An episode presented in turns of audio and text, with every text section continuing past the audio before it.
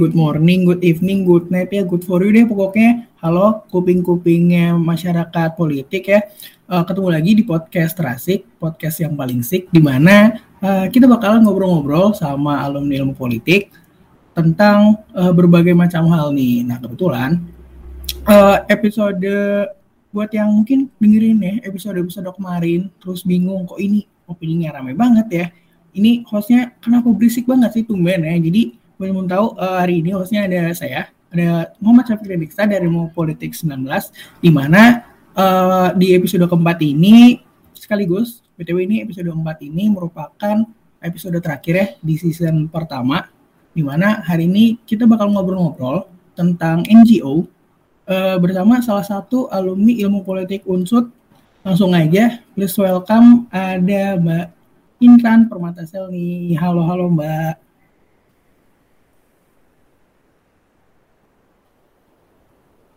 Uh, bentar, mungkin suaranya belum nyala mbak. Sorry lupa di mute. Oke, halo uh, teman-teman uh, semua. Uh, selamat siang. Apa kabar halo. semua di sini? Saya ben. Intan Selni dari alumni politik uh, angkatan sih angkatan 2007, saya lulusan 2011. Oke, okay. gitu. oh, gimana nih Mbak Sel nih kabarnya nih? Baik banget gitu. Baru aja nyelesain tugas-tugas sebelum ini ya, sebelum kita mulai terasik. Yes, asik. Mungkin uh, kita juga mau ngucapin makasih banget nih buat Mbak Selni udah menyempatkan waktunya di akhir tahun ini apalagi kan pasti banyak nih proyek-proyek yang harus diselesaikan tapi udah menyempatkan waktunya untuk bergabung secara daring bersama kita di podcast terasa gini untuk menceritakan nih pada teman-teman uh, ilmu politik unsut tentang gimana sih rasanya kerja di NGO. Mungkin apa sih banyak banyak yang belum kenal. Mungkin Mbak Selly ini sebenarnya siapa sih Mbak? Mungkin Mbak Selly bisa memperkenalkan diri nih. Iya, halo teman-teman semua. Uh, seperti tadi saya bilang, nama saya Selni. Sebenarnya nama lengkap saya Intan Permata Selni. Uh, saya sekarang aktif di uh, salah satu uh, project di apa uh, eh, NGO gitu di namanya USAID Japri. Kayak gitu. Jap, USAID Japri ini adalah uh, dari USAID USAID itu adalah sebuah uh, badan agensi uh, pembangunan atau development uh, centernya dari pemerintah Amerika Serikat. Uh, salah satu proyeknya banyak banget dia proyeknya satu proyeknya itu atau salah satu programnya adalah jadi pengusaha mandiri. Gitu. becoming an entrepreneur independen seperti itu.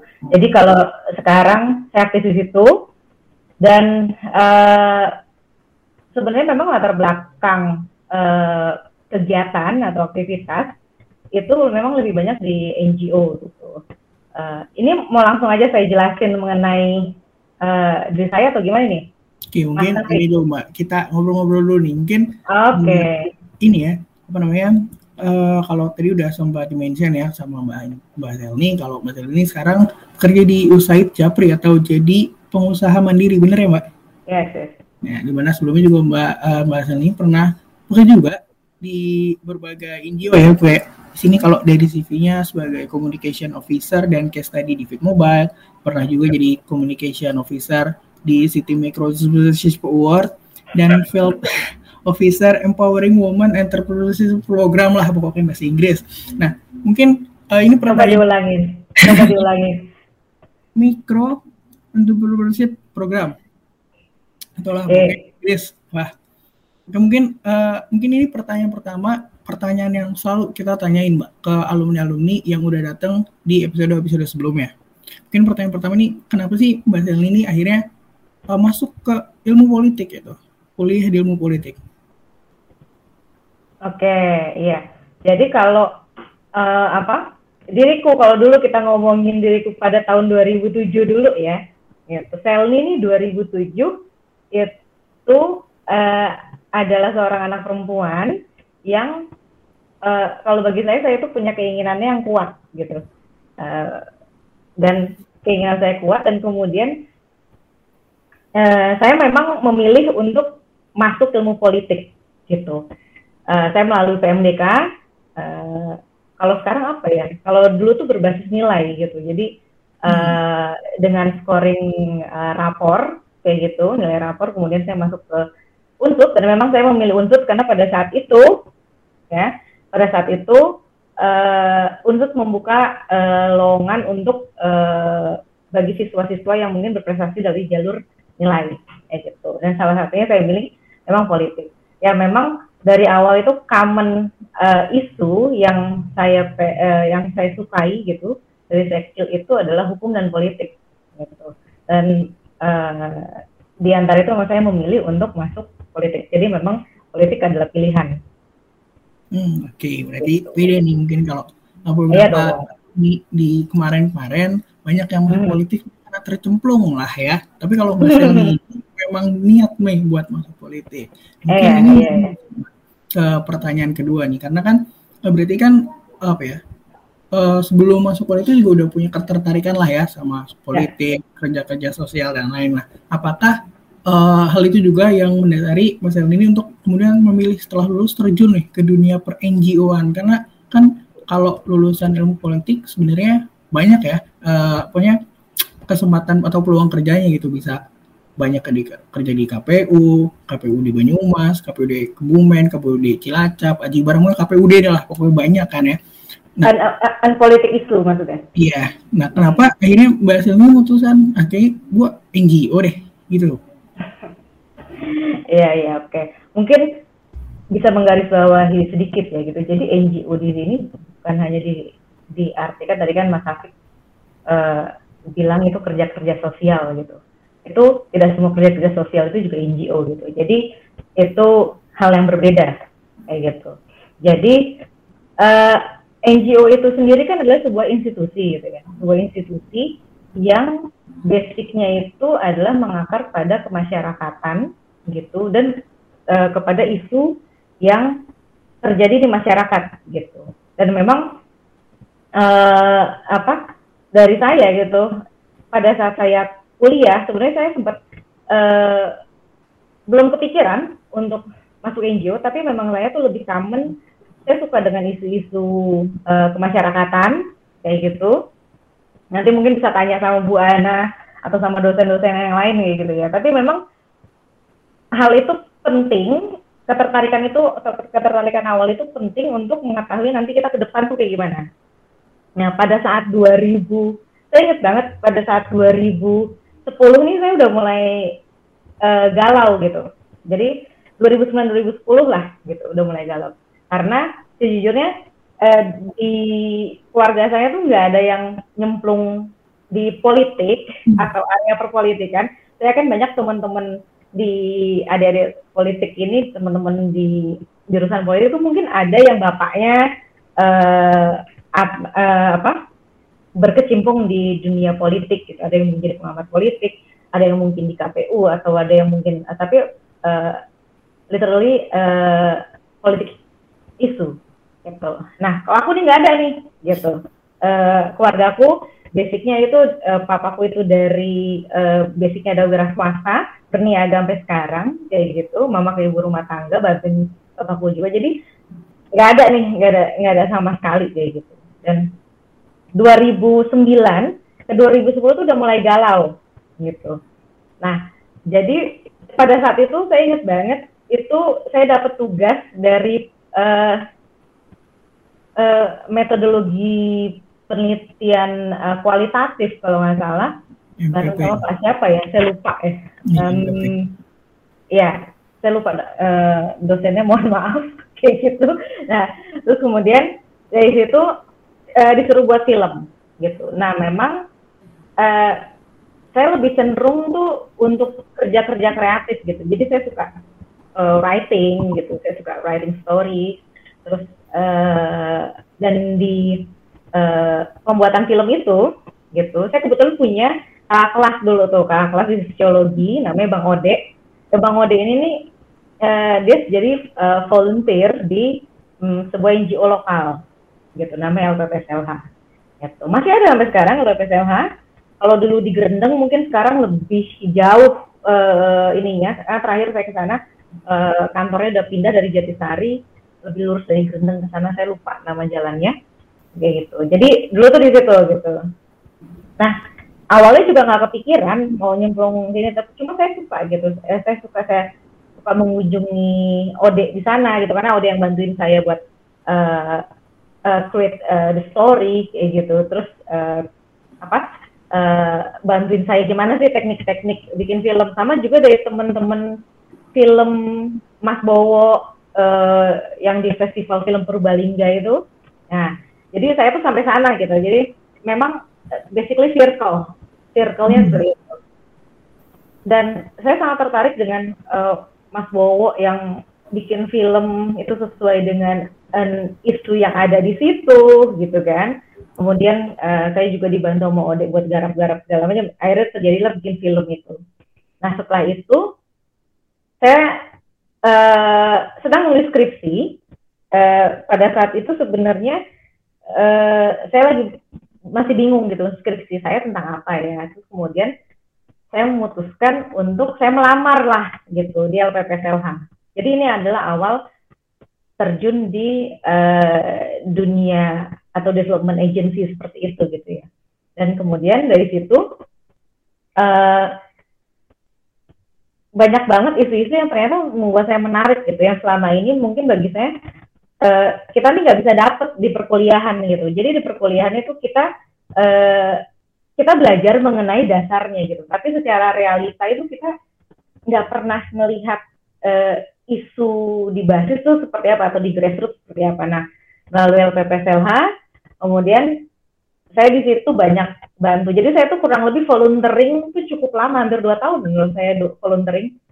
Uh, volunteering itu maksudnya relawan gitu ya saya nggak dibayar kayak gitu tapi saya memang ingin mencurahkan uh, perhatian saya karena pada saat itu juga memang fokus saya bukan untuk uh, apa mencari uang lah kayak gitu fokus saya itu adalah ya saya nih pengen bikin skripsi terus kemudian tapi saya juga suka nih isunya gitu. Nah ini kalau buat teman-teman ya mungkin yang masih pada galau mungkin bisa mencoba cara-cara kayak gitu gitu.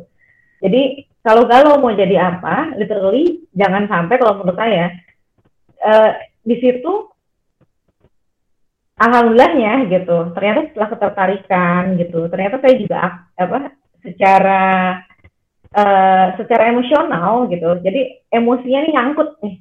Memang emosi saya tuh seneng dengan isu-isu uh, waktu itu uh, isu-isunya tuh petani gitu, uh, petani gula merah gitu, petani gula merah. Kemudian saya akhirnya pindah program untuk program perkotaan yang literally isunya itu sangat perkotaan banget perkotaan tuh kayak uh, kaum miskin kota gitu kayak anak jalanan kayak gitu gitu nah jadi uh, apa isu-isunya seperti itu gitu dan uh, ini menurut saya bagus untuk untuk apa ya untuk kita itu jadi berdiskusi jadi mikir gitu loh jadi mikir soal gimana sih sebenarnya penyelesaian terbaik. Saya rasa memang tidak ada penyelesaian terbaik, tapi minimal bagaimana ada solusi untuk uh, mengatasi permasalahan-permasalahan dan kita bergerak gitu.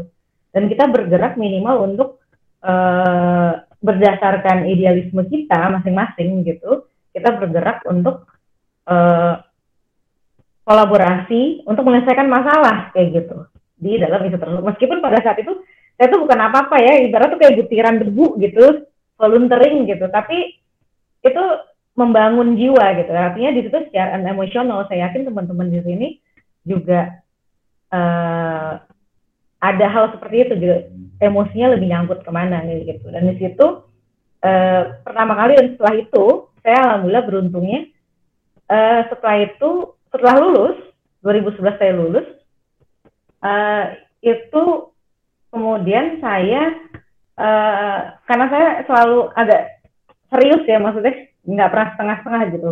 Kata-kata males tuh kayaknya agak kurang gitu. Jadi maksudnya ya udah saya tuh easy going aja gitu. Mereka tuh ajak saya uh, buat yuk tengok hutan gitu. Yuk tengok uh, teman-teman di apa di teman-teman anak jalanan di mana ya gitu. Itu saya ikut aja gitu. Jadi saya easy going dan saya tuh emang uh, pada saat itu uh, semester berapa ya? Itu kan udah udah terakhir banget ya. jadi udah kita ikut-ikut aja gitu. Akhirnya saya menambah wawasan saya juga di situ Terus setelah itu yang lebih uniknya adalah ketika saya lulus, ternyata saya direkrut.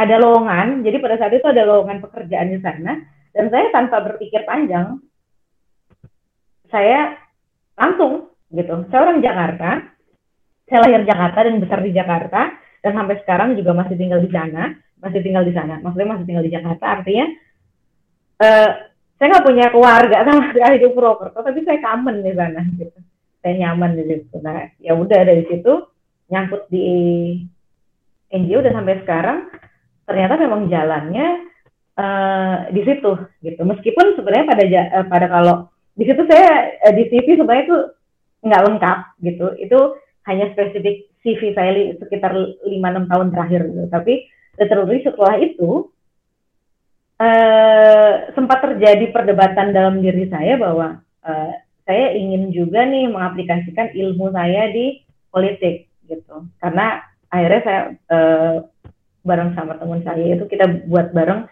uh, namanya uh, eh, ARSC gitu. Jadi akar politik uh, consulting gitu. Di mana di situ saya uh, cukup um, banyak memegang project-project uh, khususnya untuk branding di situ kan lebih ke uh, communication consulting gitu ya.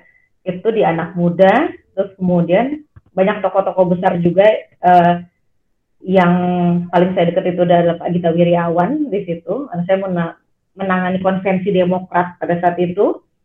Uh, terus kemudian uh, untuk Pak Jokowi untuk Gubernur satu ya kemudian dan RI satu. Terus uh, apa lagi ya siapa lagi ya uh, I think Erlangga Hartarto saya juga pernah uh, pada saat beliau menjabat sebagai kalau sekarang kan uh, Menteri Koordinator Perekonomian ya. Sebelumnya kan Menteri Perindustrian gitu. Jadi pada saat Kementerian Perindustrian saya juga membantu dalam penanganan branding. Jadi saya juga pernah gitu. Jadi jadi nggak cuman di apa literally di NGO gitu saya juga pernah nih berhijrah gitu. Berhijrah sebelum akhirnya saya kembali lagi ke NGO cuma bedanya adalah kalau yang dulu itu di lokal NGO setelah hijrah itu saya lebih di international NGO gitu. Gitu mas sampai panjang ya? Benar, benar. Uh, berarti ini kalau dari aku tanggap ya dari uh, tadi ceritanya Mbak Sel ini sebenarnya kalau NGO ini apa ya NGO atau tadi uh, itu ini jenisnya banyak gitu ya mbak maksudnya nggak cuma satu gitu. Ada yang kayak tadi uh, soal pengembangan uh, bisnis gitu-gitu ya berarti. Banyak ya berarti jenisnya mbak ya? Oh I think itu bukan jenis ya tapi tapi begini. NGO itu ini kalau kita ngacu dari undang-undang juga gitu ya. Uh, sayangnya kalau misalnya di kita itu undang-undangnya NGO itu masih bareng sama undang-undang ormas dari organisasi kemasyarakatan gitu. Hmm. tapi literally seperti ini yang perlu digarisbawahi adalah value-nya gitu. Value nilai dari institusi ini gitu. NGO itu juga bergerak seperti corporate. Artinya bergerak seperti corporate itu adalah kita punya struktur yang jelas. Gitu. Kita punya struktur yang jelas gitu. Ada chief-nya siapa gitu. Terus kemudian bagian-bagiannya itu untuk pendokumentasiannya itu ada administrasi terus kemudian yang lain-lain gitu karena uh, di NGO itu kita kan itu adalah development agent gitu. Development agent itu adalah baga, uh, buah uh, agent pembangunan gitu. Tapi sesuai dengan isu yang dibangun, hmm. yang sesuai dengan nilai NGO tersebut gitu. Kalau di LPPLH, uh, setahu saya dulu ya kan, kalau mungkin sekarang bisa berkembang gitu ya. Setahu saya dulu itu dia menangani untuk isu perkotaan, kemudian isu pertanian, Terus kemudian ada juga isu-isu kehutanan, masyarakat hutan seperti itu. Uh, bahkan isu suku bencana, jadi suku bencana itu masuk ke di program kehutanan, misal kayak gitu. Uh, karena mungkin uh, resiko bencana yang ada di ini pada saat itu uh, gunung berapi ya, maksudnya gunung selamat gitu, sudah jadi caranya seperti itu. Atau uh, masyarakat tangguh hutan atau masyarakat tangguh desa uh, semacam itu.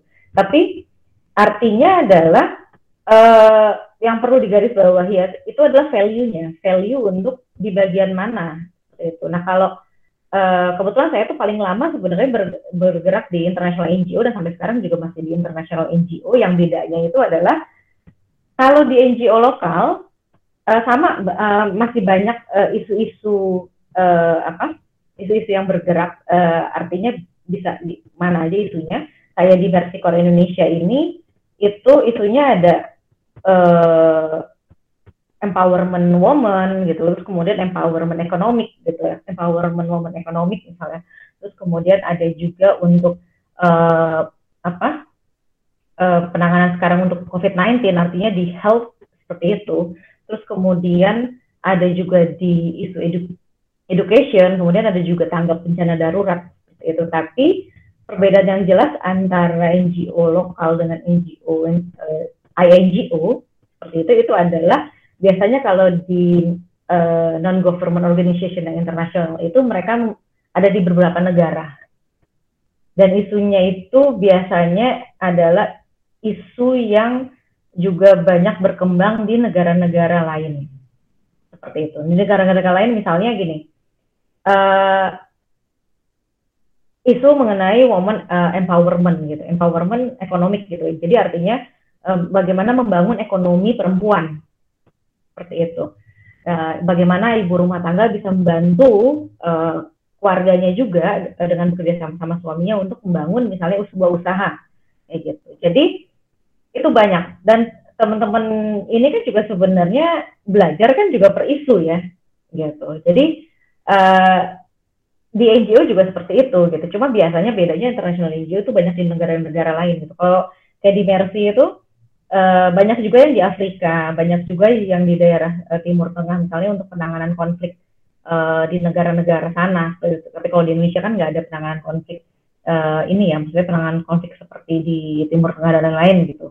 Tapi kalau di Mercy dia ada yang di Timur Tengah gitu, ada yang di uh, apa ya, banyak banget ada di Ghana, uh, di Afrika terus kemudian uh, dan negara-negara lainnya kayak gitu. Tapi Artinya mereka bergerak itu itu dengan cakupan negara yang banyak gitu. Dan kita juga secara ini karena kita itu adalah masyarakat global gitu ya. Artinya uh, kita berjaring ke sana gitu. Kita banyak sharing gitu. Bagaimana sih penanganan COVID di Indonesia? Bagaimana sih penanganan COVID di uh, apa misalnya di negara Filipina gitu. Bagaimana sih penanganan penanganan COVID di negara lainnya kayak gitu atau di negara Timur Tengah atau di negara Afrika seperti itu.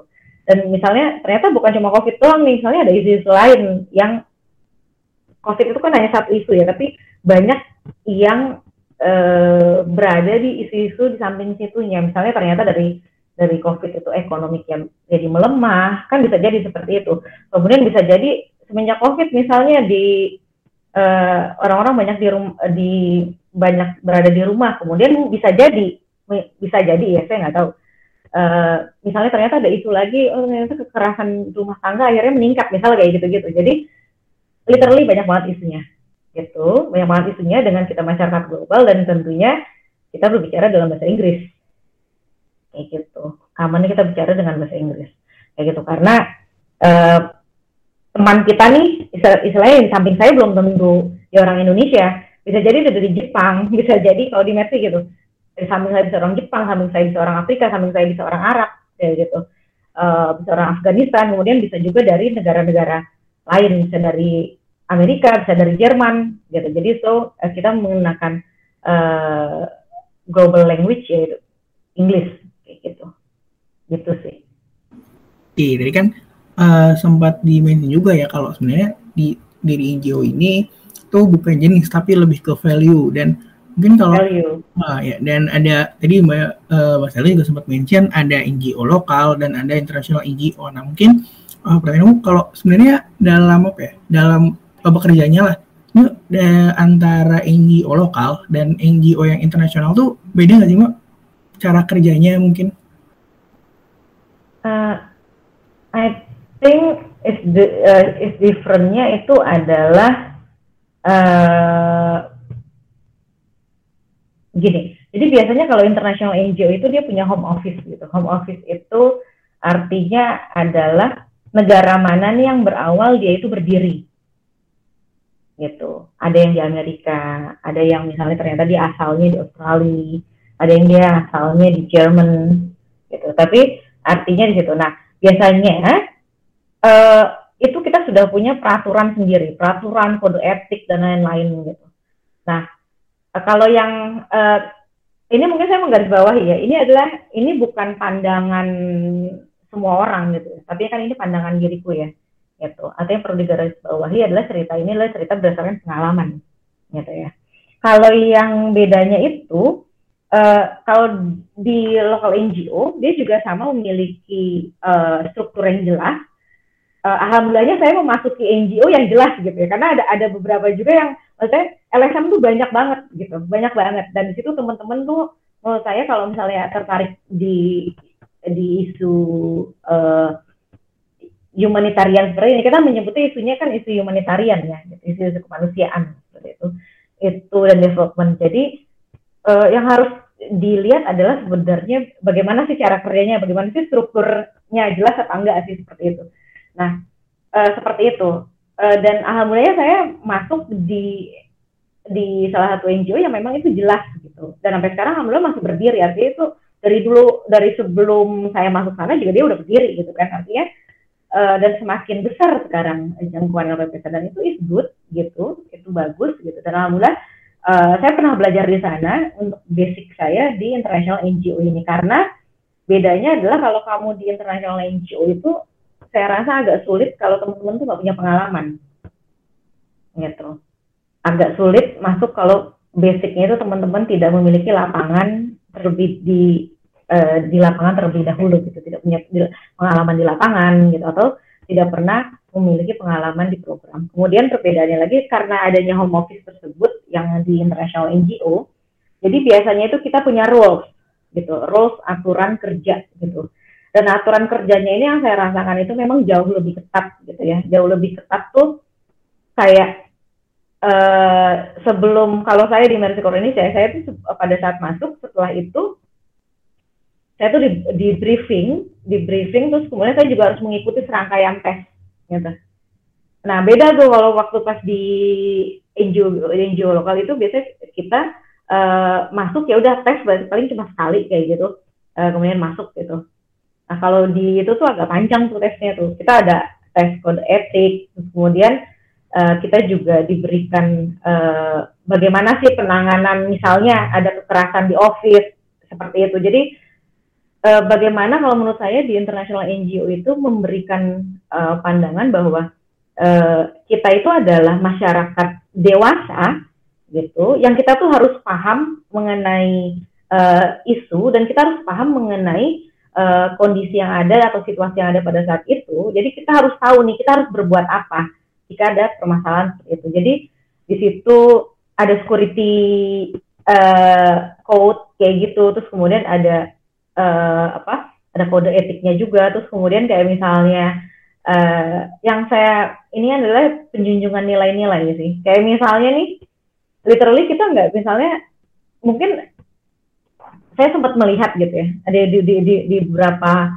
tempat-tempat mungkin di perusahaan kayak gitu orang-orang misalnya masih common gitu dengan dengan dengan bilang wah lu uh, gendut gitu atau wah lu uh, apa gitu. Uh, tapi artinya eh, hal-hal istilah-istilah seperti itu, nah itu kalau di kita tuh tuh nggak boleh tuh, kayak gitu. Jadi ada etik-etik yang ya udah kita tuh humanis aja gitu, gitu. Jadi kita berbicara ya uh, seolah kita ingin memperlakukan diri kita seperti apa, kayak gitu.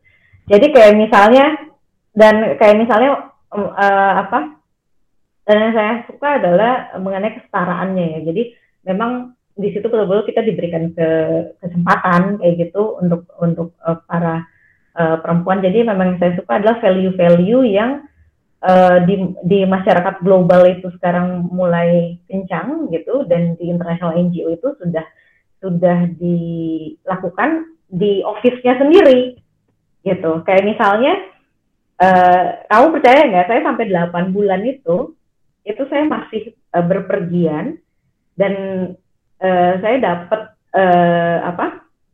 Dapat kompensasi adalah misalnya uh, eh sorry bukan bukan pada saat hamil ya pada saat saya sudah melahirkan.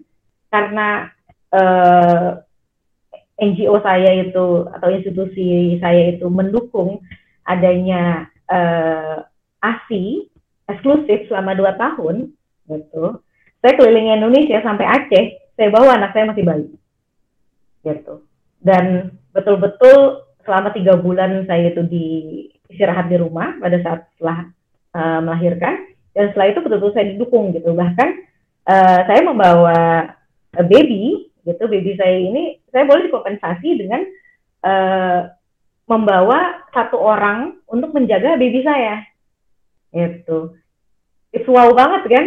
Ada nggak gitu yang yang apa yang perusahaan atau uh, tempat lain yang memang memandang nilai itu menjadi menjadi penting gitu. Dan dan saya cukup cukup cukup wow pada saat itu uh, dan itu saya dapat di Mercy Core Indonesia gitu salah satu international NGO yang ada di uh, Jakarta kayak gitu. Oke, berarti kalau apa ya, dari yang aku tangkap nih dari dari ceritanya Mbak Sel ini kalau di NGO yang internasional mungkin karena ya memang mereka kan apa ya asalnya emang di dari negara asalnya mah udah ada lah dan biasanya lebih terkonek kayak, kayak masyarakat global gitu jadi isu-isu yang berkembang di dunia kayak uh, lebih lebih apa ya? Kan kalau mungkin kalau, kalau dari pandangan aku yang awam ya kalau di Indonesia itu kan masih kayak ya tadi mungkin kalau ada yang hamil cutinya bentar terus habis hmm. lahiran berapa lama langsung masuk. Jadi tapi karena ini lebih ke masyarakat global dan tadi Mbak Sally juga sempat mention soal uh, humanity jadi kayak memperlakukan manusia itu ya sebagaimana manusia jadi lebih respect gitu kali ya Mbak. Bedanya lebih menghargai ya. value dari orang gitu. Ya betul. Tapi sebenarnya di NGO lokal pun seperti itu juga gitu. Tapi artinya kalau yang di global ini uh, uh, ya mungkin alhamdulillahnya gitu ya. Saya nggak tahu bisa jadi ada NGO lokal yang mungkin bisa memperlakukan uh, saya secara eksklusif. Kayak misalnya karena saya adalah ibu menyusui gitu. Tapi artinya di sini uh, it's wonderful itu gitu kan. Yang bisa kita dapat sebagai seorang ibu kita bisa bekerja jadi artinya tanpa merendahkan uh, atau mendiskredit perempuan gitu ya kita tetap bisa kok ternyata full uh, untuk office gitu terus kemudian sambil kita bisa merawat bayi dan di Mercy Indonesia tuh juga punya ini punya uh, apa room untuk breastfeeding jadi dan menurut saya nggak kalau misalnya ada perusahaan yang kayak gitu itu wow banget karena memang seharusnya sudah ada gitu selayaknya sudah ada cuman kan pada kenyataannya nggak semua seperti itu gitu. Tapi artinya uh, kita sebagai NGO baik yang lokal maupun internasional NGO itu memang sangat menekankan value-value seperti itu. Value-value yang kita yakinin.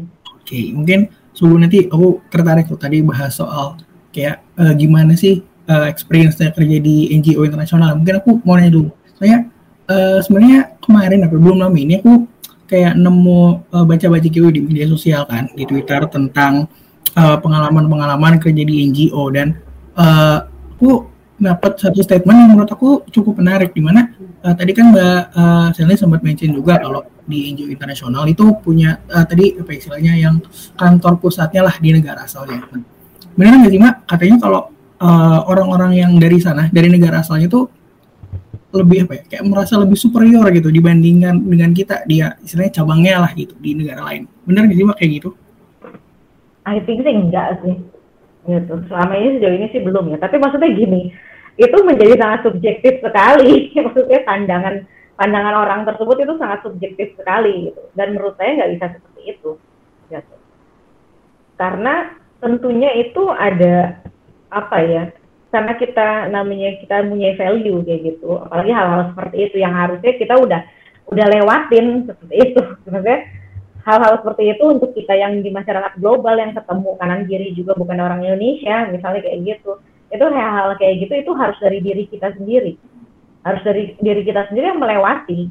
Kalau oh, kenapa misalnya kenapa dia bisa merasa seorang tersebut lebih superior gitu? Harusnya kan dia tidak perlu merasa seperti itu hmm. gitu kan harusnya dia nggak perlu merasa seperti itu kayak kan gitu hmm. nah, uh, kalau menurut saya mungkin beda penekanannya adalah begini biasanya kalau kita sama masyarakat global itu atau misalnya sama warga negara lain itu mereka biasanya lebih langsung ngomongnya.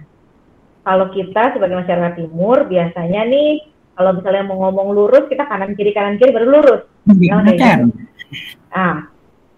Dan maksud saya hal-hal seperti itu tuh harusnya udah dilewatin. Kalau misalnya teman-teman di sini mau masuk di international NGO yang itu bakal ketemu sama orang-orang yang mungkin ya mungkin pada saat pakaiannya itu dia pakai celana pendek misal datang gitu. Terus mungkin kita biasanya pakai celana panjang pakai baju panjang segala macam. Dia dengan santai celana tapi itu nggak masalah gitu. Selama value pekerjaan kita selama value nilai-nilai kita sebagai humanity itu nggak berkurang. Gitu. biasanya sih gitu. gitu. Jadi maksudnya perbedaannya yang jelas tuh gitu. Maka tapi lama-lama pasti akan terbiasa dengan uh, ya kita ngomong secara direct aja. Oke okay, mungkin berarti apa ya? Tentunya dengan respect ya. Tentunya yeah, dengan respect gitu. Oke, mungkin berarti kayak pandangan-pandangan uh, di NGO internasional itu dan mulai lebih superior gitu mungkin bukan apa ya mungkin ter, uh, terpengaruh juga terpengaruh juga sama perbedaan culture mungkin ya mbak ya ya bisa jadi uh, bisa jadi perbedaan culture dan bisa jadi maksud saya itu seharusnya sudah dilewati oleh kita yang memilih di internasional NGO. Jadi artinya rasa untuk tidak percaya diri itu tuh itu udah jadi mas balik dia ke diri masing-masing. Kan ketika misalnya dia merasa dia itu tidak superior, maksudnya artinya di bawah si superior itu itu apa sih gitu maksudnya? Itu kan dari dari diri kita sendiri. Kita percaya diri atau enggak? Kayak gitu. Hmm, Oke, okay, gitu. menarik, menarik. Jadi uh, kalau dari uh, dari penjelasan tadi ya dari cerita cerita tadi semakin menarik gitu. Kalau di NGO kan, kayak kalau dari aku tangkapan itu benar-benar mementingkan value lah, humanity banget kayak itu kan kayak apa ya? Kayak kita kerja nih kita kerja sesuai dengan idealis bahkan sesuai dengan value yang kita percayai terus kita dibayar itu kan kayaknya apa ya pekerjaan uh, impian banget lah buat uh, seluruh mahasiswa mungkin kan masih muda kan tentunya idealismenya bergonjang-gonjang ya kan. Nah mungkin uh, ini mbak pertanyaan kalau kayak tadi ya uh, aku juga sempat lanjut yang tadi dari baca-baca itu uh, kalau yang aku tuh selain tadi pekerjaannya kayak wah banget tuh kayaknya kalau di NGO itu benar sih mbak waktu kerjanya itu apa ya benar-benar nggak saklek gitu. Waktu oh. kerja itu benar-benar fleksibel. Benar nggak sih mbak enggak sih. Itu ada time-nya kok ada time-nya. Hmm, ada time-nya. Ya. Karena alhamdulillah lagi-lagi saya bilang ya saya masuk di NGO yang memang bagus gitu menurut saya gitu. Dari segi strukturnya dari segi manajemen office-nya itu bagus kayak gitu jika di LPPPLA itu ada jamnya kok. Dia dari jam 8 sampai misalnya jam 5 atau jam 6 saya lupa gitu. Nah kemudian di apa di Netscore itu dari jam 8 eh, eh jam 8 pagi sampai jam 5 sore. So, kayak gitu. Ya ternyata di antara jam 5 tersebut dirimu itu masih ada pekerjaan ya kayak gitu ya ya udah gitu ya harus diselesaikan gitu aja. Sama aja kayak misalnya kerja di kantoran kan juga kayak gitu kan? Gitu.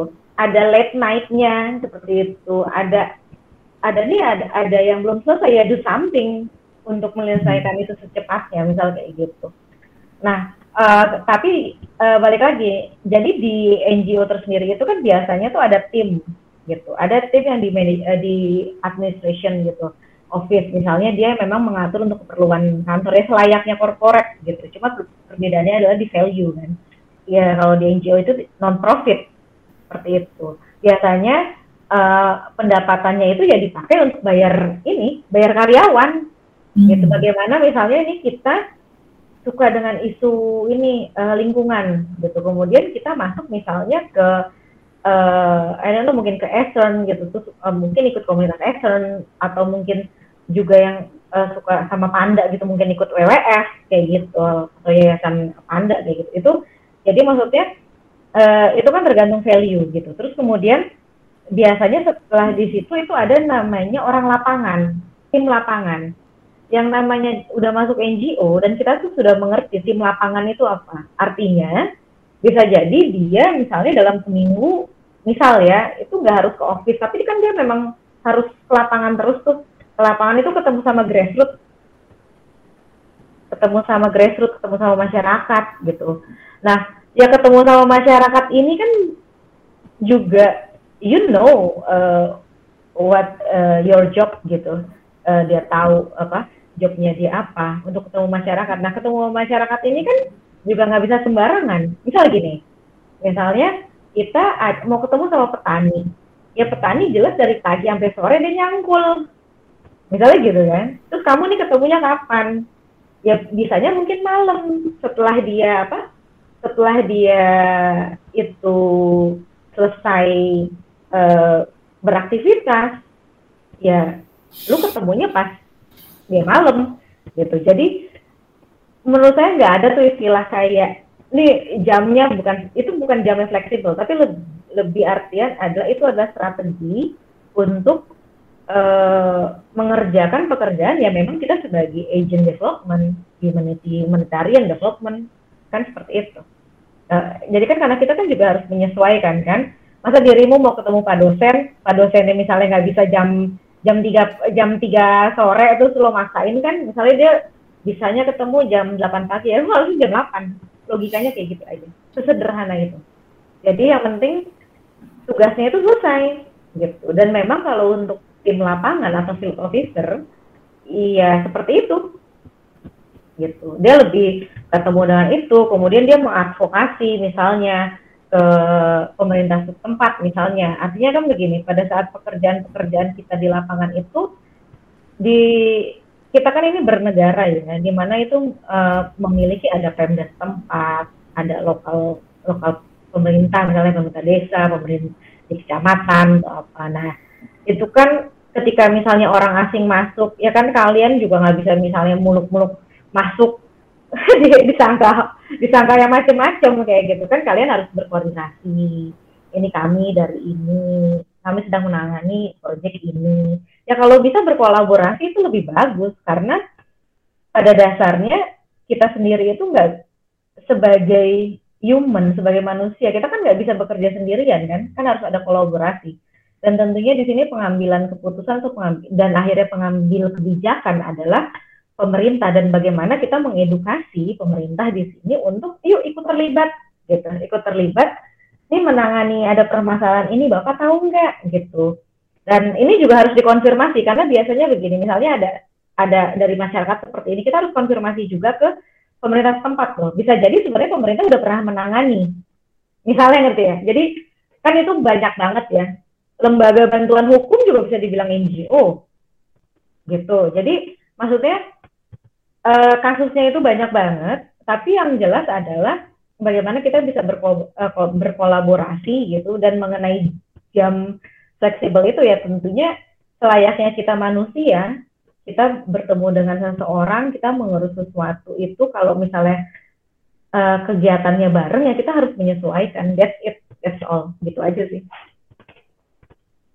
Oke berarti ya lebih ke menyesuaikan lah ya karena kan kita bekerjanya tadi eh, si NGO ini langsung ketemu kalangan grassroots lah. Jadi ya tentunya harus menyesuaikan gitu ya mbak ya ya tapi kalau yang di office biasanya tetap dari jam 8 sampai jam 5 hmm, jadi okay. selayaknya selayaknya corporate dan another teman-teman bekerja lain ya sih. Gitu. Jadi jangan sangka uh, apa NGO itu tuh nggak punya office. NGO itu pasti ada office ya. Siapa yang menangani kita travel, siapa yang menangani karena yang menarik adalah di NGO kalau kamu lihat kalau untuk proyek-proyek atau program-program USAID di agensi pembangunannya pemerintah Amerika yang kebetulan saya lagi tangani suatu program ya itu selalu membuat mengeluarkan laporan secara transparansi di websitenya loh jadi maksudnya uh, sampai seperti itu setransparan itu itu jadi kalau jadi kalau untuk mengenai jam kerja seperti itu itu udah dilalui. Sama halnya kayak dirimu nih kerja nih di korporat nanti.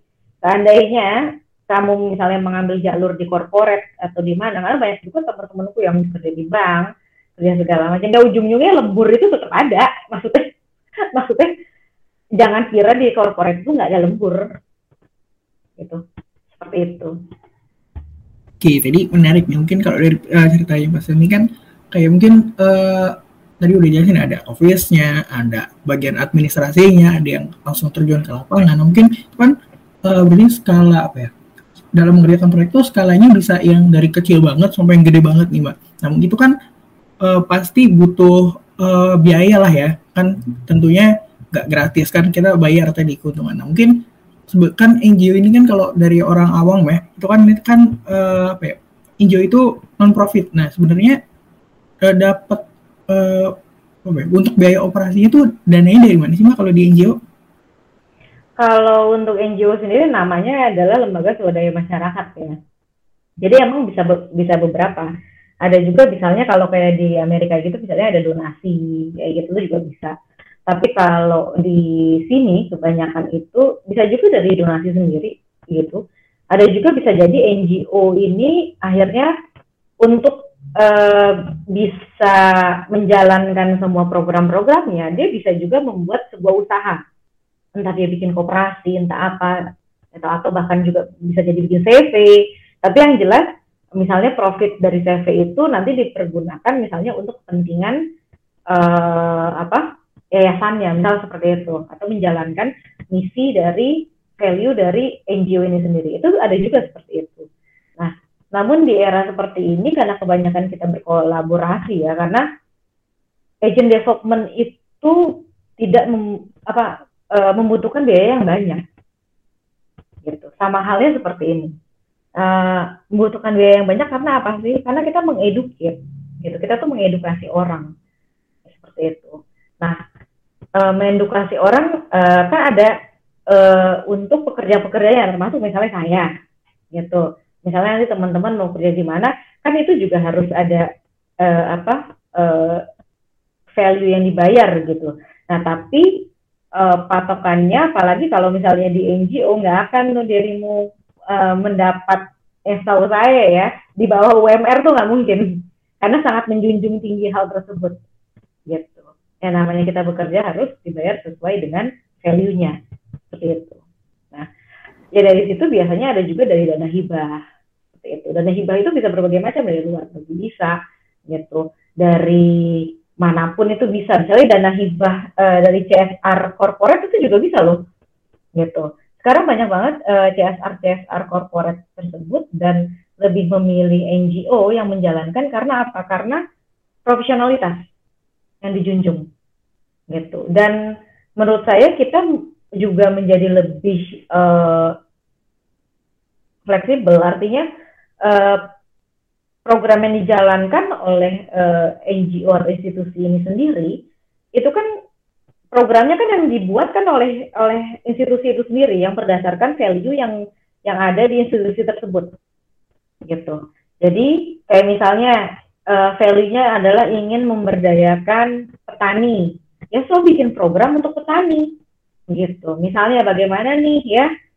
Petani ini gimana ya? Itu kan kerjaan kerjaan yang panjang gitu ya. Itu kerjaan yang panjang gitu. Misalnya gimana nih petani gula merah di Banyumas bisa teredukasi untuk tidak memakai sulfit? Sulfit itu tuh bahan pengawet misal kayak gitu. Itu kerjaan yang berat ya kan? Yang mengedukasi seorang petani itu sulit banget loh nggak bisa sekali dua kali ketemu ya kan harus sering gitu. Kadang-kadang kita harus marahin mereka misalnya kayak gitu. Misalnya mereka lupa gitu. Oh, misalnya nggak jangan nggak boleh pakai supir.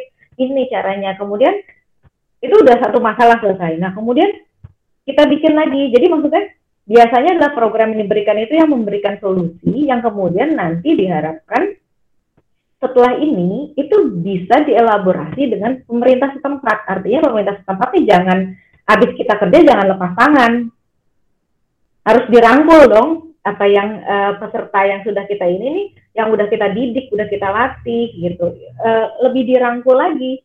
Malah jadinya tuh di sini NGO adalah prosesnya di sini menjebatani gitu menjebatani uh, dari sebuah isu yang ada gitu untuk uh, misalnya pemerintah itu kan juga pusing banget kerjaannya banyak gitu kan. Ada misalnya dia tidak misalnya dia tidak memikirkan bagaimana ya value yang bisa dijual dari sebuah gula Jawa gitu ya kan? Dia mungkin mikirnya oke okay, ya udah petani hidup ini aja. Padahal sebenarnya itu bisa jadi value yang besar misalnya ya untuk di Banyumas misalnya nih. Oke okay, terus setelah itu gimana ya caranya? Uh, ini oke okay, ternyata gula gula Jawa ini bisa dibikin seperti gula semut atau brown sugar yang kecil-kecil kayak gitu. Itu harus lagi tuh. Itu kayak economic empower ya, economic empower uh, uh, uh, apa? the farmer gitu. Maksudnya untuk petani gula merah. Dan di situ dana-dana tersebut ya itu digunakan untuk bagaimana untuk uh, apa menggaji dari pegawai ya gitu terus kemudian bagaimana uh, pembuatan modul modul-modul itu jadi kebanyakan CSR CSR dari corporate itu pun atau yang dari dana hibah itu sangat memerlukan pertanggungjawaban yang tinggi.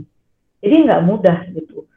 Dan, dan harus detail loh laporannya segala macam itu harus detail harus transparansi. Biasanya NGO di sini mengambil uh, biaya uh, seperti apa ya uh, manajemen fee biasanya seperti itu. Tapi uh, artinya seperti ini, yang keenakannya adalah karena kita kan yang membuat proposalnya, kita yang membuat kegiatan tersebut sesuai dengan value keyakinan dari institusi tersebut. Jadi kita bekerja, kita juga mendapatkan gaji selayaknya orang-orang di corporate gitu. Tapi kita bisa membantu orang. Wonderful banget ya sih gitu ya itu konkret loh maksudnya pekerjaannya itu konkret kalian tuh bisa lihat nih aku tuh waktu itu sampai sampai di LPPSLA itu sampai sempat menangis loh. Dari ini petani yang tadinya nggak bisa bikin uh, gula gula Jawa uh, yang tadinya cuma bulat-bulat gitu terus kemudian dia bisa membuat brown sugar dan kemudian setelah itu dibantu juga dengan akhirnya media pada tahu gitu. Kita juga mengkomunikasikan menjebatani supaya media tahu bahwa nih Banyumas itu di situ punya uh, apa sumber kekayaan yang melimpah itu setelah dari situ itu banyak uh, pedagang yang menghampiri dia. Kafe-kafe segala macam untuk mendapatkan apa membeli uh, gula merah dari dia. Wonderful banget kan? Kita tuh bener-bener bisa ngelihat dengan mata kepala kita sendiri kalau uh, ada perubahan yang meningkat. Tapi tentunya perubahan itu nggak bisa terjadi begitu aja. Tentunya perlu ada proses. Biasanya eh, program-program NGO itu ada yang lima tahun ada yang satu tahun nah itu tergantung makanya oleh sebab itu penting juga bagi NGO berkolaborasi dengan pemerintah jadi prosesnya itu kita tuh bukan mengentaskan kemiskinan loh tapi bagaimana kita memberikan sebuah solusi gitu tapi nanti pemerintah yang juga akan bareng-bareng nih. Ini kita udah bikin udah bikin programnya nih, udah bikin kerangkanya nih. Dasarnya udah dibuat nih. Orang-orang petani-petani udah teredukasi nih. Nah, sekarang bagaimana pemerintah, misalnya pemerintah Banyumas akhirnya membantu menyebatani dong nih si komunitas-komunitas petani ini supaya bisa jadi em ekonomi empowernya lebih tinggi lagi gitu jadi jangan ja, jadi gini ada ada beberapa hal tuh yang yang suka bilang gini uh, apa yang NGO berikan itu uh, tidak selalu selesai. Itu itu salah salah kaprah banget gitu. Tugas kita adalah mengedukasi gitu. Tugas kita mengedukasi, tapi bagaimana kita juga menjadi penyambung untuk pertemuan eh, kanal-kanal uh, lainnya gitu. Bisa jadi ketemu sama teman-teman mahasiswa nih, teman-teman mahasiswa bisa berbuat apa gitu untuk si petani ini. Uh, misalnya dosen bisa apa? Misal dosen untuk meneliti karena penelitian itu penting dan basic dan basicnya biasanya proposal yang dibuat oleh uh, NGO itu adalah proposal yang memang uh, itu diteliti terlebih dahulu. Ada pemetaannya dulu. Jadi nggak sembarang.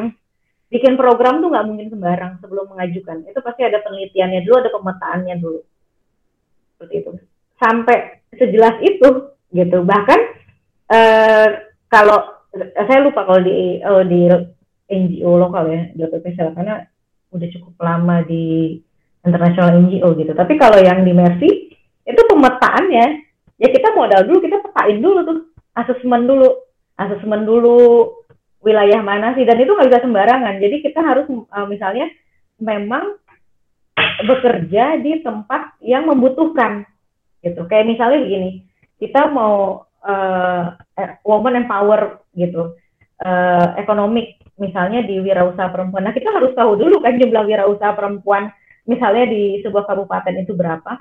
Kalau ternyata wirausaha perempuannya itu apa uh, itu harus ada data pokoknya harus berdasarkan data. Jadi tidak tidak bisa semerta-merta hanya berdasarkan asumsi itu paling kita hindari gitu. Karena kita di sini sebagai masyarakat yang cerdas semuanya harus berbasis dengan data. Seperti itu. Oke menarik banget. Berarti uh, kerjaan ini udah dibayar pertama itu penting dibayar terus juga apa ya kalau buat itu kan kayaknya aduh ini supaya banget nih udah kita kerja sesuai dengan value value yang kita yakini dibayar pula kan. Dan tadi oh, Mas Eli juga sempat mention kalau mungkin uh, kalau untuk apa ya gaji gede itu kan relatif ya tapi yang penting sesuai lah uh, maksudnya sesuai dengan manusiaan lah dimanusiakan lah gajinya itu. Itu kan kayaknya buat siswa apa ya menarik banget gitu mbak. Mungkin uh, ini banyak teman-teman yang tertarik gitu kalau mau masuk atau bekerja di dunia NGO ini nih apa ya kayak uh, syaratnya itu apa gitu mungkin selain follow Veronica Koman atau dan Laksono dan nonton Watchdog Watchdog ini mungkin ada syarat-syarat yang apa ya kualifikasi lah yang dibutuhkan oleh mahasiswa itu kalau pengen masuk ke dunia NGO. Oh iya, ini aku juga menggaris bawah itu. Jadi teman-teman tuh jangan berpikir kalau misalnya di NGO itu gajinya itu adalah standar kalau misalnya teman-teman itu bisa bandingin gitu ya kita adalah uh, institusi yang sangat memanusiakan manusia. So uh, biasanya NGO adalah membayar sesuai dengan value-nya. Kalau misalnya pekerjaannya itu ada membutuhkan tanggung jawab yang besar jangan kira teman-teman bisa gajinya bisa jadi bisa manager loh. Gitu. Jadi maksudnya itu adalah hal yang kita hindari gitu. Ini itu sebuah sebuah prasangka itu stigma loh, nggak boleh itu. Itu stigma ke NGO kalau NGO dibayarnya murah. Aduh, ya bisa. Basicnya adalah teman-teman di NGO itu yang pertama adalah teman-teman harus memiliki value humanitarian karena nggak bisa tuh teman-teman nih masuk NGO ini nggak jadi volunteer dulu karena teman-teman harus harus merasakan jadi yang dipikirnya itu tuh jangan gaji dulu gitu. Tapi bagaimana bisa beraktivitas sesuai dengan value yang teman-teman uh, sukai dan kemudian kebetulan sebuah NGO tersebut misalnya itu ternyata mengakomodir value yang apa uh, dan sesuai value-nya dengan yang teman-teman yakini gitu. Itu yang pertama dulu. Harus punya pemikiran seperti itu. Dan harus paham isu. Gitu. Nggak bisa nih uh, apa uh, teman-teman misalnya itu nggak paham isu, nggak paham isu gitu. Paham itu bisa bisa dari mana teman-teman apalagi di sini kan kita sebagai anak-anak zaman sekarang ya yang sudah literally gadget banget kayak gitu udah pasti paham isu lah. Udah tahu isu informasi dari mana pun kan kayak gitu. Dan uh, apa? Saya sangat meyakini bahwa uh, teman-teman yang memang memiliki kapasitas untuk uh, kecenderungan apa berhubungan atau berkonek dengan sesama manusia gitu. Sama manusia itu bisa dari mana aja ya. Misalnya dari dari interaksi langsung dengan atau tidak langsung lalu dengan chat segala macam itu itu biasanya memiliki uh, sangat bisa untuk masuk NGO kayak gitu. Terus kemudian itu yang pertama gitu. Yang kedua juga jangan takut tadi mengenai gaji karena NGO adalah institusi yang memanusiakan manusia, so kalian akan dibayar sesuai dengan value yang kalian berikan. Gitu. Terus kemudian jadi stigma itu tolong mohon dihilangkan gitu ya. Dan ini menjadi menarik gitu karena kemarin tuh saya ke Malang gitu, saya ke Malang, kemudian ada uh, mahasiswa Brawijaya gitu itu kebetulan hadir di acara saya dan dia nggak tahu di situ saya sebagai apa pokoknya dia cuma nanya aja gitu. Uh, kemudian saya bilang oh saya dari apa uh, saya dari Jakarta mas kayak gitu. Oh mbak dari Jakarta iya di mana eh, saya yang uh, salah satu NGO yang untuk uh, bertanggung jawab dalam program ini gitu. Kemudian dia nanya gitu kak uh, kakak itu NGO itu apakah dibayar kak? Gitu. Jadi ini ini ini menjadi unik gitu gitu tapi basically kita itu juga tidak tidak tidak tidak apa ya eh, tidak menyalahkan dia gitu. Artinya artinya sebenarnya karena memang basicnya ketika kita udah gitu NGO, yang pertama dipikirin itu adalah kemasyarakatannya. Jadi value-nya dulu gitu. Gitu. Kemudian kedua, yang namanya kita orang misalnya biasanya di teman-teman NGO itu adalah orang expert. Expert itu yang memang spesialis. Misalnya spesialis yang udah biasa banget tuh ngurusin penanganan bencana. Bagaimana sih manajemen resiko bencana? Uh, kemudian bagaimana berhubungan dengan pemerintah uh, selaku pemegang kebijakan yang menangani mengenai kebencanaan seperti itu. Misalnya seperti itu. Jadi artinya teman-teman di NGO kebanyakan adalah expert gitu. Jadi makanya saya bilang agak agak agak susah kalau teman-teman nggak punya pengalaman gitu. Nah, yang uh, yang pertama value, yang kedua tadi menurut saya pengalaman gitu. Jadi harus memiliki pengalaman dulu, apalagi kalau di international NGO ya, itu sulit banget. Misalnya masuk tanpa pengalaman. Atau kemudian yang ketiga, karena kita masyarakat global, tentunya bahasa Inggris sangat penting baik writing uh, apa writing maupun conversation itu sangat penting gitu. Kemudian uh, persiapan yang ke apa? Yang keempat adalah mungkin menulis ya. Saya sangat meyakini sampai saat ini bahwa sebenarnya tulisan itulah yang uh, membuat saya hidup gitu. Artinya membuat saya lebih beraktivitas gitu mendokumentasikan sebuah sebuah sesuatu itu itu sangat menyenangkan kayak gitu dari tulisan mau video mau apa. Tapi artinya ketika misalnya tahu isu kita harus harus berpikir gitu. Oh seperti ini ya. Jadi jangan mudah juga tuh terbawa terbawa headline koran misalnya kayak gitu. Jadi kita tuh eh, biasanya teman-teman NGO ada yang memaham eh, kita paham eh, isunya dulu gitu.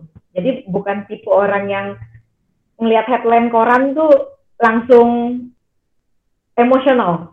Tahu kan kalau maksud saya headline koran kan? Ketika misalnya headline cuman cuman buat uh, apa clickbait doang kayak gitu. Jadi ini seperti itu. Jadi yang pertama adalah value. Kemudian yang, ke, yang ketiga, uh, yang terakhir adalah teman-teman harus jadi volunteering dulu. Oke, berarti uh, syaratnya sebenarnya ya penting kita apa ya uh, value-nya itu sendiri paling utama ya karena NGO aja dari tadi Mbak Sally banyak banget mention kalau kerja itu ya berdasarkan value terus juga ya basic skill lah. Kita sebagai mahasiswa kan pasti tentunya kalau menulis ya harusnya uh, itu kan udah jadi sesuatu yang bukan sehari-hari lah gitu. Dan itu harus terus dikembangkan dan mungkin tadi kayak uh, skill-skill kayak bahasa Inggris kayak speaking writing dan lain-lain. Ya oh, mungkin iya. Yeah. Iya. Uh, sorry sorry, tadi uh, sorry aku potong tapi uh, tadi saya lupa mention bahwa uh, di NGO pun itu sama seperti corporate secara uh, ininya ya, maksudnya alur pekerjaannya. Jadi teman-teman yang harus pandai presentasi. Gitu. Jadi maksudnya mikirnya tuh juga juga sama gitu, harus paham data karena kita tuh baca data, kita analisis data, ya, monitoring data gitu. Kita membuat sebuah buku, modul-modul tersebut, ya gitu modul-modul yang akan digunakan oleh partisipan kita selama kita mengedukasi untuk sesuatu. Jadi bayangannya itu jangan dibayangin cuma kerja lapangan doang gitu. Jadi NGO itu kita juga ada edukasi, ada tim manajemennya juga di situ. Uh, apa? Yang kemudian juga ada tim communication gitu, di mana salah satunya di situ ada saya sebagai communication spesialis. Memang root saya adalah bagaimana menginformasikan gitu nih atau mengedukasi nih kayak adik-adik seperti ini bahwa uh, lebih mengetahui value-value yang ada dalam program. Karena sayang banget, misalnya kayak program udah bagus, tapi tidak bisa tersampaikan atau misalnya teman-teman nih nggak tahu. Dan aku rasa juga uh, teman-teman juga baru tahu tuh mungkin tadi saya ceritakan soal petani gula kayak gitu di Banyumas. Jadi uh, maksudnya seperti itu. Jadi memang ada fungsi-fungsi yang itu sebenarnya mirip dengan fungsi-fungsi di perusahaan. Di perusahaan juga punya mani punya manajemen tim gitu, punya namanya communication team gitu punya namanya monitoring team terus punya data analyze NGO juga seperti itu gitu. Jadi jangan khawatir kayak misalnya nih jurusan ekonomi bisa masuk NGO nggak? Bisa banget. Di jurusan apa? Bisa jadi di program power uh, woman atau uh, empower uh, ekonomik gitu. Terus kemudian jurusan pertanian bisa masuk NGO apa enggak bisa banget. Bisa banget membuat program. Bagaimana sih misalnya nih uh, supaya mengorganisir petani muda. Bagaimana sih misalnya untuk anak-anak muda ini, anak-anaknya petani tuh kan sekarang udah sedikit banget yang mau jadi petani. Padahal bapaknya punya beratus-ratus hektar, misalnya kayak gitu. Nah itu bagaimana nih mengedukasi supaya uh, apa uh, petani muda misalnya gitu. Terus kemudian jurusan politik mau jadi apa uh, NGO ya bisa banget kayak gue. Cuman basicnya tetap harus punya skill. Gitu. Di sini diriku ya, saya punya skill untuk story writing, saya punya skill untuk video development gitu. Kemudian saya juga punya uh, skill untuk uh, kemampuan untuk media organize gitu dan lain-lain. Tapi basicnya adalah ketika ingin memasuki sebuah ini apa sebuah tempat di mana pun teman-teman nantinya berada baik di NGO maupun tidak gitu ya skill itu yang harus dikembangkan. Karena teman-teman nantinya akan lebih bersaing nih sama sama mungkin bersaing sama orang-orang yang berpengalaman yang mungkin di-cut kemarin karena COVID. Jadi saingannya tambah banyak. Jadi bukan antara anak bukan antara anak-anak baru yang baru lulus, tapi bisa jadi saingannya adalah orang berpengalaman yang kebetulan aja dia di-cut karena mungkin perusahaannya belum tikar karena pandemi. Seperti itu. Jadi skill itu sangat penting. Oke, sampai lanjut. Oke, mungkin ini uh, pertanyaan terakhir nih mbak. Mungkin uh, sebelum nanti uh, closing ya mungkin banyak teman-teman yang apa ya yang tertarik gitu dan penasaran sebenarnya kerja di NGO itu sehari keseharian gimana. Mungkin ada yang mau uh, mungkin bahas ini bisa medsosnya di mana gitu. Mungkin teman-teman mau kepo ini aduh NGO ini kalau sehari-harinya orang kerja di NGO itu kerjanya gimana? Atau mungkin uh, dari dari tempatnya Mbak Selni gitu. Mungkin ada media sosial yang bisa kita ubak-ubak Oh, artinya maksudnya oke, okay, kalau aku jarang sih ya di karena bagiku kalau sosmedku tuh buat diriku sendiri gitu. Jadi kalau misalnya mau lihat itu ada banyak banget di uh, kalau mau cerita-cerita kamu bisa lihat di exposure page-nya uh, eh, USA itu banyak banget satu story gitu. Dan saya juga termasuk salah satu yang membuat untuk kasus story di website USAID gitu. Jadi maksudnya itu banyak uh, banyak banget uh, gambaran mengenai gimana sih pekerjaannya uh, apa NGO gitu. Dan kemudian untuk sosial media tuh banyak banget ya. Uh, Mercy Corps Indonesia punya eh I don't know Mercy Corps Indonesia punya Mercy Corps sorry. Ini Mercy Corps globalnya Mercy Corps itu punya Mercy Corps itu tulisannya Mer C Y C O R P S Mercy Corps tapi sebenarnya bacanya Mercicor. Oke. Okay. Gitu. Itu okay. bisa juga dicek. Banyak banget USAID, uh, eh, USID itu bisa gitu. Terus kemudian apa lagi ya? WWF gitu. Terus uh, eh, IIE International uh, Institute of International Education bisa juga banyak lah gitu. Oke, mungkin nanti uh, buat teman-teman yang uh, pakai bahasa Inggris pusing gitu nanti bakal kita tenang teman-teman tulis di deskripsinya nanti. Oke, mungkin okay. sebelum closing nih, uh, sekali lagi mau terima kasih banget buat Mbak Selni yang udah nyempetin waktunya buat di akhir tahun ini buat ngobrol-ngobrol sama kita dan menceritakan pengalaman-pengalamannya kerja di NGO. Nah mungkin uh, sekaligus closing mungkin Mbak Selni mau ada pesan-pesan itu atau closing statement buat teman-teman ilmu politik yang masih berkuliah dan mungkin uh, pengen aduh pengen nih masuk di NGO nih kayaknya seru deh denger cerita-ceritanya. Oke oke oke. Ya uh, kalau menurut aku aku masuk di NGO ini adalah sebuah wonderful life ya gitu karena saya bisa jalan-jalan ke mana pun gitu. Saya banyak ke lokasi-lokasi yang mungkin nggak terduga, tapi uh, saya bisa bekerja dengan baik gitu. Dan value yang saya berikan itu juga uh, atau yang saya miliki itu juga bisa tersalurkan dengan baik itu dan akhirnya mempunyai circle yang menurut saya juga akhirnya positif five gitu. Jadi uh, apa pun nanti pilihannya teman-teman itu uh, yang diyakini teman-teman itu ke depan mau jadi apa pun menurut saya penting di masa-masa galau ini kan pasti anak teman-teman semester udah akhir nih dua tahun terakhir gitu ya itu kan galau ya. Mau jadi apa nih gitu kan di situasi pandemik seperti ini gitu. So apa pun pilihannya bahkan wirausaha itu pun menjadi pilihan gitu ya. Tapi apa pun itu kayak gitu pilihannya skill tetap harus di uh, asah gitu kalau emang suka main TikTok asah skill TikTok mungkin bisa jadi nanti asah di aplikasi-aplikasi lain. Terus teman-teman yang suka nulis asah kemampuan menulisnya, mungkin bisa mulai dari uh, apa? Cerita-cerita di pembuat sosial media mungkin kayak gitu, atau uh, bisa juga mungkin nulis di kalau kalau dulu sih ada ini ya, ada yang ini ya kompas ya, tapi sekarang kan udah nggak ada ya, yang citizen jurnalis gitu.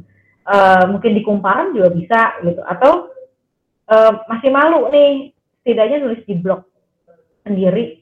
Itu mungkin uh, pakai nama uh, yang nggak dikenal atau apa. Tapi terserah apa pun itu basicnya adalah teman-teman itu di sini harus punya skill. Dan kalau menurut saya kalau untuk karena teman-teman udah milik di politik minimal skill menulis itu itu jadi penting. Kayak gitu.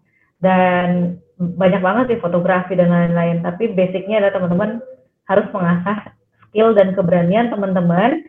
Dan di masa galau ini mending teman-teman mencari uh, tempat yang bisa mengasah skill teman-teman. Atau minimal teman-teman kalau misalnya belum tahu mau tujuannya kerja di mana. Karena gue pun begitu dulu. Gitu. Gue nggak tahu mau kerja di mana. Tapi ternyata itu dimudahkan jalannya. Tapi kalau teman-teman itu berusaha keluar dari zona nyamannya gitu. Ingin mencari yang sesuatu yang baru atau lainnya nanti bakal ketemu. Kayak gitu. Itu sih Mas Safik terima kasih ini atas undangannya. Iya, oke, makasih banget Mas nih Tadi ya, kalau pesan dari Mas ini pokoknya bagi mahasiswa apalagi untuk yang lagi di fase-fase quarter life crisis nih ya, kayak akhir-akhir bingung mau ngapain ya. Penting ya cicil aja mulai dari ngelatih skill kayak uh, skill nulis dan lain mungkin tadi kalau teman-teman yang bingung aduh gue, punya tulisan gue punya opini tapi bingung mau upload di mana teman-teman bisa banget uh, ada program dari salah satu departemen kita juga namanya uh, program berapi berani beropini. Nah itu teman-teman bisa banget tuh belajar-belajar nulis di situ. Siapa tahu kan dari situ buka peluang rezeki dan jadi menulis ke mana-mana dan akhirnya bisa ya kerja yang sesuai dengan keinginan kalian. Nah mungkin uh, tadi ya uh, pesan-pesan closing statement dari Mbak Silni juga sekaligus jadi penutup untuk uh, podcast episode hari ini. Uh, terima kasih teman-teman yang udah dengerin di season pertama ini. Selamat berjumpa lagi di podcast Trasik season kedua. Uh, saya Safik. Terima kasih semuanya.